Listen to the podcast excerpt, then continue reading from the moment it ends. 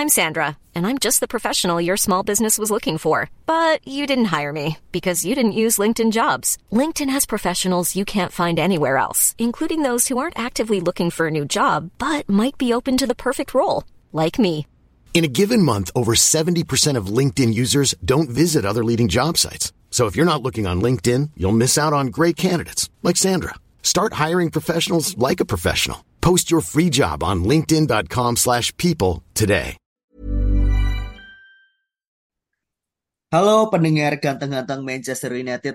Kembali lagi bersama kita berdua ada Saung dan Alvin di sini dan seperti yang teman-teman udah tahu ya bahwa eh, per 30 Juni kemarin atau 1 Juli lah ya tepatnya di sini eh, David De Gea eh, kiper kita yang selama 12 tahun sudah menjaga ya eh, apa namanya martabat dan harkat United ini akhirnya eh, sudah selesai gitu kontraknya di Manchester United. Nah, em, kalau menurut gue pribadi ya, gue secara pribadi eh, gue berterima kasih lah dengan adanya De Gea ya selama 12 tahun gitu meskipun memang eh, di musim-musim terakhir ini eh, banyak sekali kayak hal-hal yang eh, menurut kita well he can do better lah gitu. Tapi Hmm. eh, eh, tentu kita tidak bisa memungkiri ya, eh, Vin, bahwa adanya De Gea ini gitu, terutama di musim 2015 sampai 2018 itu menurut gue sangat-sangat krusial gitu. Dan menurut gue nggak akan ada eh, kiper yang bisa eh, menyamai level dia ya pada saat itu gitu. That's why ketika dia perpanjang kontrak dengan gaji 350 ribu eh, per week ya, itu 375. 375 ya, Iya. 375 ribu pounds per week itu sangat-sangat deserve gitu pada saat itu gitu. Karena menurut gue menjadi kiper United itu adalah pekerjaan yang sangat-sangat sulit ya men ya. Hmm. Eh, jadinya ketika dia akhirnya udah selesai kontraknya gitu secara secara apa ya secara legal lah ya dalam artian udah selesai walaupun kita eh, United sendiri masih masih ongoing discussion ya sampai sekarang ya. Tapi gue jujur cukup sedih sih men melihat reaksi netizen ya di Twitter gitu. Nah, menurut lo sendiri kayak gimana, Vin? Apakah memang eh apa ya cara United nge-treat De Gea ini apakah memang sudah sewajarnya kah atau dengan reaksi-reaksi yang dia terima apakah memang sudah sepantasnya kah atau menurut lo pribadi seperti apa nih eh, kasus Hmm. De Gea sendiri? Iya, iya. Jadi memang kemarin agak mengagetkan ya beberapa hari kemarin ketika kita baca dari sebuah sumber ya di The Athletic bahwa ternyata di beberapa bulan kemarin tuh ternyata DVD itu udah perpanjang kontrak, udah bukan perpanjang ya, tapi maksudnya udah tanda tangan, udah setuju bahwa gajinya udah turun secara signifikan yang kita nggak tahu berapa, tapi gue assume mungkin di angka mepet-mepet 180 ribu sampai 200 lah ya gitu. Dan itu masih lebih tinggi daripada kiper dengan gaji tertinggi di Inggris yaitu Alisson dan juga Kepa 150 ribu gitu. Itu itu feeling gue 180 ribu sampai 200 gitu. Dengan durasi kontrak yang gue juga nggak tahu dan mungkin nggak ada klausul apa pun lagi gitu. Nah, cuma katanya tiba-tiba keputusan manajemen ini berubah setelah final Piala FA dan katanya itu karena Ten Hag yang mungkin katanya kayaknya nggak yakin dengan performanya gitu. Jadinya Hmm. ditawarilah kontrak baru lagi yang kemarin dicabut secara sepihak dan ditawari dengan gaji yang jauh lebih rendah lagi dan gue assume mungkin di angka yang sama kayak Ellison yaitu 150 ribu gitu. Itu hampir setengahnya lebih kan dari 375 ke 150 kan Ya. gitu. Dan dengan klausul di mana lu nggak akan ada jaminan jadi nomor satu gitu. Jadi memang dari sisi pemain ini tidak menguntungkan gitu. Kasarnya lu di PHP-in, lu udah tanda tangan, udah setuju dengan sebuah klausul, tiba-tiba nggak jadi, dan akhirnya ditawari yang baru lagi. Dan menurut gua kontrak yang kedua ini lebih kepada kontrak di mana adalah MU menawarkan sesuatu untuk ditolak gitu. Hmm. Kayak lepas tangan, lepas bukan lepas tanggung jawab ya kayak udah nih bola panas udah bukan di gua lagi, tapi bola Hmm. panas di lu. Jadi kalau misalnya lu tolak, ya at least gue udah tawarin kontrak tapi lu yang nggak mau, bukan gue yang ngelepas lu gitu. Jadi memang apa ya? Menurut gue ini ada part di mana mismanagement gitu, mismanagement antara eh, pihak MU gitu ya. Gue nggak tahu Ten Hag terlibat atau enggak. Cuma mungkin Ten Hag udah tahu gitu. Emang gue nggak mau. Tapi lebih kepada masalah budget dan juga perencanaan. Dan ini kan adalah masalah lama ya dari MU dari zaman dulu. sampai Ya. sekarang meskipun sekarang udah membaik gitu tapi pada akhirnya ya seperti itulah yang terjadi dan apa ya gue menyayangkan sih kayak kasarnya ya meskipun gue juga adalah orang yang vokal dari musim lalu bahwa gue ingin MU beli kiper baru. Tapi setidaknya ya berikanlah sign off yang bagus gitu kepada David De Gea gitu selama 12 tahun terakhir ini kan udah banyak menyelamatkan gitu. Jadi seharusnya tidak seperti ini gitu tidak perlu serumit ini. Kalau emang nggak mau ya udah. Nggak usah tawarin kontrak sama sekali gitu loh. Jadinya kayak masing-masing tahu dari awal konsennya bahwa oh kita nggak akan lanjut. Ya udah. Jadi jangan sampai lu ditawarin mau lanjut kasarnya lu hubungan ya. Mau Mm-mm. mau apa ya udah kita lanjut nih mau ke jenjang tunangan gitu. Udah tunangan udah setuju lu udah siap-siap. Mungkin lu mikir oh ya gue nanti udah mau beli cincin mau apa tiba-tiba nggak jadi. Eh nggak jadi ya gitu kan. Anjing kan. Mending lu pas mau nggak yakin mau tunangan nggak usah sama sekali. Kalau emang udah nggak yakin kan gitu kan. Gitu. Jadi. Menurut gua ini apa ya dan sekarang kan momen kemarin deh yang nikahan ya di Sabtu lalu itu keputusan De Gea ini belum dibuat gitu bahwa dia mau lanjut atau enggak masih belum tahu gitu jadi memang ya ini gua apa ya sedih sih melihat pemain salah satu pemain penting kita diperlakukan seperti itu. Terlepas lagi-lagi, gue memang tidak ingin dia di sini lagi, tapi jangan kayak gini caranya gitu sih. Iya ya dan uh, gue rasa semua orang tahu ya bahwa United itu pertama dia uh, tidak bisa jual pemain ya klub ini ya sangat-sangat buruk lah dalam menjual pemain gitu. Tapi yang kedua ketika kita mau menjual pemain pun kita juga terlalu sentimental gitu loh kayak seorang apa ya beberapa pemain yang emang harusnya udah cabut dari dulu gitu kan itu malah kita eh, apa ya kita keep keep terus gitu. Sementara pemain yang memang sudah apa ya or- yang belum saatnya cabut tapi malah eh, kita buang-buang gitu macam mungkin Zidane Iqbal atau yang lainnya pemain akademi gitu ya. Tapi kayak eh, pemain legend gitu ya macam David De Gea itu kepindahannya atau apa ya chapter yang selesai di United ini malah bikin gue inget sama case-nya kayak Rio Ferdinand, kayak Robin van Persie ya. Bahkan sampai sekarang juga kita nggak ngucapin uh, goodbye ya ke Hmm, Van Persie. Tapi kayak harusnya this club tuh can do better lah gitu. Ya. kayak eh, gue setuju yang lo bilang harusnya dari sebelum musim udah selesai itu kita udah sort out ya eh, masalah kiper ini gitu. Tapi ya apa gue gak ngerti sih apakah memang masalahnya karena budget kah atau karena ga- gaji kah gitu. Kalau misalkan gajinya diturunin 150 ribu untuk jadi second goalkeeper itu gila loh men. Mana ada kayak second goalkeeper kayaknya 150 ribu pound coba. Ya kan Alisonnya maksudnya gajinya setara sama dia gitu. Jadi kayak gue rasa memang Erik Ten Hag ini nggak mau gitu. Uh, David De Gea memang ada di klub ini, cuman memang somehow si uh, upper management gitu mungkin salah satu dari Glazer kampret itu memang pengennya ya ya udah lo di United aja tapi gaji lo tujuh puluh lima ribu katakanlah ya mana mau kan sama aja kan. Jadi Hmm. kayak uh, ketika memang uh, masalah ini harusnya udah bisa sih di, di sort out di akhir musim kan kita bisa kasih proper farewell ya sebenarnya. Tapi ya Hmm. sedih sih gue karena dia juga baru nikah kan. Kayak harusnya kan masalah-masalah seperti ini kan nggak ada ya. Iya. Untung jadi Kayak ya nikahnya ya. maksudnya sesa- sebagai sesama laki-laki gitu ya, gue juga kasihan banget nih orang gitu kan. Jadi ya walau kalaupun memang dia eh, apa ya merasa dia layak untuk mendapatkan gaji lebih, ya cabut aja gitu ke Arab mungkin gitu kan.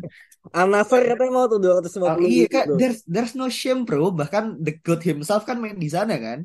Iya, iya. Cuman memang untuk pe- pemain sekelas David De Gea gitu kan, yang secara hampir satu dekade satu dekade dia menjadi seorang eh, apa one of the greatest goalkeeper, nggak ada satupun klub dari Eropa yang mau dia tuh juga aneh juga sih menurut gue. Jadi kayak memang secara permainan itu memang udah berubah ya sepak bola ini gitu, Betul. di mana eh, sebuah tim tuh memang harus dituntut bisa bermain dari belakang nih gitu. Tapi ya kasihan men gitu loh. Jadi mungkin inilah yang yang difikirkan oleh eh hierarki United di bawah kayak kayak nggak ada yang mau nih sama eh De Gea gitu ya. Udah kita keep lo dulu lah di sini lo mau nggak jadi eh, second goalkeeper atau third goalkeeper tapi gaji lo sekian gitu. Hmm. Itu sih mungkin yang gue pikirkan ya. Apa yang terjadi di belakang layar gitu. Iya, iya, iya. Ya benar, benar, benar. Memang pada akhirnya gua gue yakin sih ini memang masalah budget gitu. Kayak kita semua kan tahu ya dari sebelum musim berakhir gaj- eh, budget kita kan cuma 100 sampai 120 juta. dan itu juga kemungkinan juga cuma bisa dapetin dua pemain gitu loh karena pemain kan sekarang dia pasti minimal ya minimal kalau MU nawar pasti minimal 50 juta kan gitu jadi apa namanya dua pemain lah setidaknya dan kita baru bisa generate lagi ketika kita jual pemain gitu. Jadi dengan dua dua dua apa dua pemain yang garansi bisa dibeli ini ya praktis yang bisa jadi priority kan gelandang dan penyerang gitu. Kiper udah nggak masuk dalam skema awal, makanya mungkin memang pada akhirnya Ten Hag tuh udah udah berkompromi lah kayak ya udah deh satu dua musim lagi sama Dea nggak apa-apa deh gitu. Tapi tiba-tiba gara-gara final FA Cup itu mungkin dia gergetan banget kayak nih gitu kan udah deh gak jadi apa udah gak ada kompromi kompromi lagi udah gak jadi gitu, kan. gitu jadi kayak apa ya ya again ya masalah duit ini kan gue nggak tahu emang karena glazernya yang emang pelit atau emang beneran FFP gitu kayak gue cuma khawatir FFP ini cuma dijadikan alat aja gitu loh bahwa sebenarnya cuma nggak mau keluar duit aja padahal FFP-nya nggak ada masalah apa-apa gitu kan. Kita nggak yeah, pernah yeah. tahu hitung-hitungan sebenarnya gimana kan. Nggak pernah ada kalkulasinya gitu gitu. Ini cuma di media aja kita cuma bisa 100 120 karena FFP gitu. Kita nggak pernah tahu gitu. Jadi memang seperti itu kejadiannya. Nah cuma mungkin kalau gue mau nanya ke lu nih ya hmm. uh, menurut lu feeling lu bakal melihat sepertinya Dea ini bakal accept kontrak yang baru ini dan bertahan mau, mau apa ya menerima MU lagi atau hmm. dia dengan apa ya mungkin dia merasa gua worth dengan uh, gaji dia yang lebih tinggi dan tidak pantas diperlakukan kayak kemarin dan akhirnya dia cabut nah itu lu kira-kira mana yang akan terjadi? Hiring for your small business? If you're not looking for professionals on LinkedIn you're looking in the wrong place. That's like looking for your car keys in a fish tank LinkedIn helps you hire professionals you can't find anywhere else, even those who aren't actively searching for a new job but might be open to the perfect role. In a given month, over 70% of LinkedIn users don't even visit other leading job sites. So start looking in the right place. With LinkedIn, you can hire professionals like a professional. Post your free job on linkedin.com slash people today. Many of us have those stubborn pounds that seem impossible to lose, no matter how good we eat or how hard we work out. My solution is plush care PlushCare is a leading telehealth provider with doctors who are there for you day and night to partner with you in your weight loss journey. They can prescribe FDA-approved weight loss medications like Wagovi and Zepbound for those who qualify. Plus, they accept most insurance plans. To get started, visit plushcare.com slash weight loss. That's plushcare.com slash weight loss. Uh, menurut gue dia akan cabut ya, uh, Vin. For good. Uh, eh, gue rasa kita udah terlalu lama uh, apa namanya membahas soal hal ini gitu dan gue yakin juga Dea juga pasti udah muak lah gitu kayak maunya apa sih sebenarnya di klub udah gitu kan. juga dia kan betul gitu apalagi ya abis kawin kan kebutuhan pasti banyak ya bro gitu. gue nggak yakin dia akan terima uh, turunan gaji yang lebih jauh gitu daripada offer yang sudah dia uh, agree. Dan juga uh, memang chapternya udah selesai gitu dan melihat seorang uh, kiper legendaris gitu ya yang akhirnya dia juga mau untuk turun ke posisi dua sih gue rasa gue rasa pasti akan ada egonya di mana dia masih bisa bermain di level tertinggi gitu. Tapi uh, apa ya gue harap sih dia bisa dapat klub yang pantas sih men gitu. Jadi kayak apakah memang itu nanti jawabannya ada di Arab ya Hunus gitu. Tapi gua rasa ini udah udah udah terlalu telat gitu kan. Apalagi dengan ditambah uh, isu mengenai uh, Tom Hinton yang mau cabut tapi digagalkan oleh Erik Ten Hag gitu kan, diblok oleh Erik Ten Hag. Terus ada uh, rumor juga terkait uh, Bichlo ya yang dari Feyenoord yang akan hmm. uh, mungkin digadang-gadang jadi second goalkeeper United gitu kan. Dan Onana yang semakin kenceng gue rasa uh, ini udah udah udah terlalu telat dan kita nggak punya tempat lagi sih untuk David De Gea gitu. Hmm, iya, Kalau iya. sendiri gimana? Ya ya, gue juga apa ya satu sisi gue agak surprise sih kalau ternyata David De Gea ini masih mau balik ke MU lagi gitu setelah apa yang udah terjadi gitu dan tweetnya dia yang emoji yawn itu kan itu kayak menunjukkan bahwa dia udah muak sih menurut gue kayak udah ah bullshit lo gitu kan dengan apa pun yang ada di media gitu jadi kalau dia masih mau balik lagi menurut gue kayak apa yang mau lu perjuangin lagi gitu? Kayak lu udah dapet gitu. I mean lu udah dapet gelar Liga Inggris dulu ya gitu. Dan lu dari pencapaian pribadi juga udah. Kemudian kayak maybe pelatih juga udah nggak mau. Klub udah memperlakukan lu kayak gitu. Fans juga kayaknya udah mulai banyak terpecah dan kayaknya udah kayak udahlah udah udah cukup lah gitu kan. Jadi kayak udah nggak diinginkan lagi gitu. Dan di posisi seperti itu kayaknya emang David De kalau gue jadi dia sih kayak ya udah ngapain? Kalau gue udah nggak diinginkan lagi ngapain gue di sini? Mending apa ya mumpung ada kesempatan untuk apa ya mungkin generate money ya untuk Hmm. masa tua bener yang lu bilang ya dengan nikah lu pasti priority udah berbeda gitu kan. Ya udah gitu seperti pemain-pemain pada umumnya aja N'Golo Conte aja akhirnya pragmatis juga kan main ke Arab gitu kan Pa- padahal dia masih Iya. banget. Benzema juga main ke Arab gitu. I mean Brozovic juga I mean tiba-tiba banget kan seorang Brozovic sama Roberto Firmino tiba-tiba main ke Arab gitu. Jadi mungkin ada hal-hal di luar sepak bola yang ya semua orang mengalami masalah ekonomi masing-masing gitu. Dan David De Gea mungkin udah harus mulai mempertimbangkan itu gitu. Jadi kalaupun dia akhirnya bergabung dengan Ronaldo ya di Al Nassr ya menurut gua itu lebih baik sih untuk kedua pihak ya tiga pihak malah. Jadi win-win dari Al Nassr dapat pemain bagus dari MU juga akhirnya bisa mengurangi slot gaji dan bisa beli kiper baru dan untuk dia juga akhirnya bisa move on lah udah nggak toxic lagi sekarang gitu Ya, ya, ya. Jadi ya, eh gue rasa kita semua ya sebagai fans agree bahwa United, eh, United dan David De Gea memang harus eh, move on.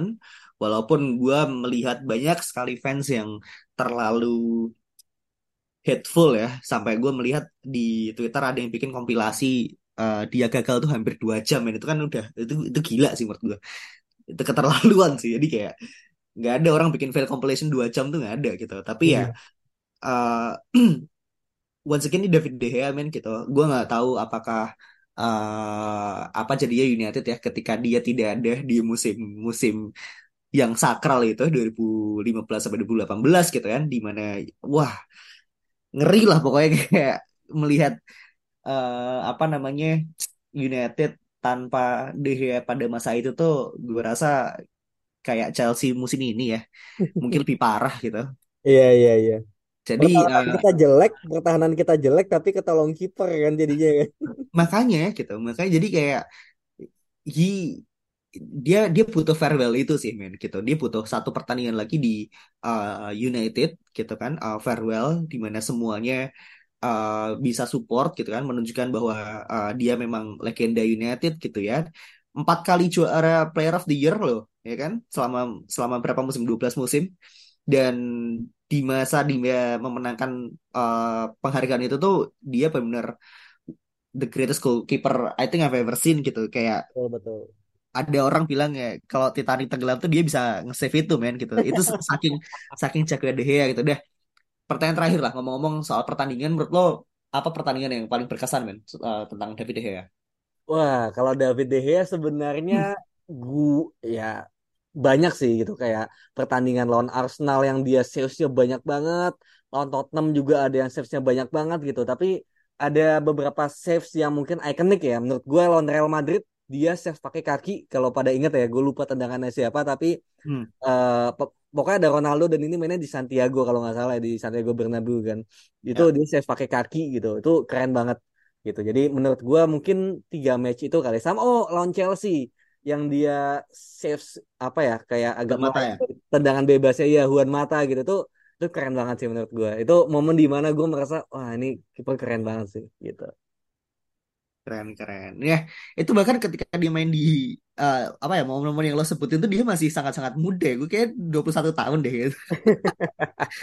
itulah Dia masih uh, kurus banget kan itu. iya itulah di ketika apa ya ketika kita bilang uh, bahwa dia emang legenda tuh ya karena dia emang sejago itu men gitu bahkan uh, salah satu cerita menarik ya tentang David De Gea uh, adalah Ferguson tuh kan cuma tiga kali ya dia miss match ya dan salah satunya itu ketika dia nge-scout David De Gea men jadi kayaknya satu pemain ini harus layak mendapatkan proper send off sih dari uh, kita semua gitu. Dan dia nggak layak mendapatkan uh, hate speech yang terlalu berlebihan ya gitu.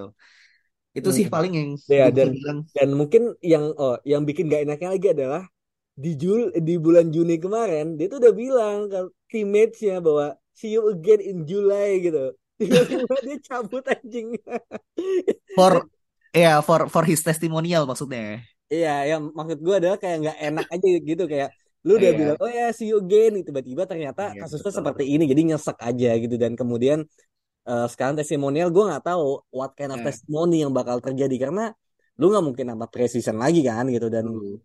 gue nggak tahu apakah dia akan bermain dan and then akhirnya akan dilepas atau ya ya udah lepas Iya, begitu iya. aja gitu jadi feeling gue sih kayak udah lepas begitu aja kayak nanti farewellnya bakal lewat eh, media sosial sih menurut gue kayaknya bakal kayak gitu kayak kayak apa ya dia nggak akan kembali ke Carrington lagi sih menurut gue Betul sekali dan apa ya bro? Eh tapi yang namanya perpisahan kan seperti itu ya kita nggak ada yang tahu ya. Betul. Ya kan siap gak siap ya harus siap lah.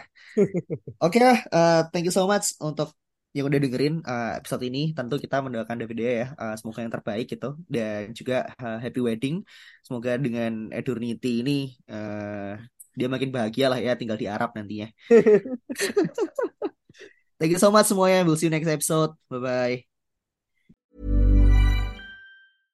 Imagine the softest sheets you've ever felt. Now imagine them getting even softer over time. That's what you'll feel with Bowl and Branch's organic cotton sheets. In a recent customer survey, 96% replied that Bowl and Branch sheets get softer with every wash. Start getting your best night's sleep in these sheets that get softer and softer for years to come. Try their sheets with a 30-night guarantee. Plus, get 15% off your first order at bowlandbranch.com. Code BUTTERY. Exclusions apply. See site for details.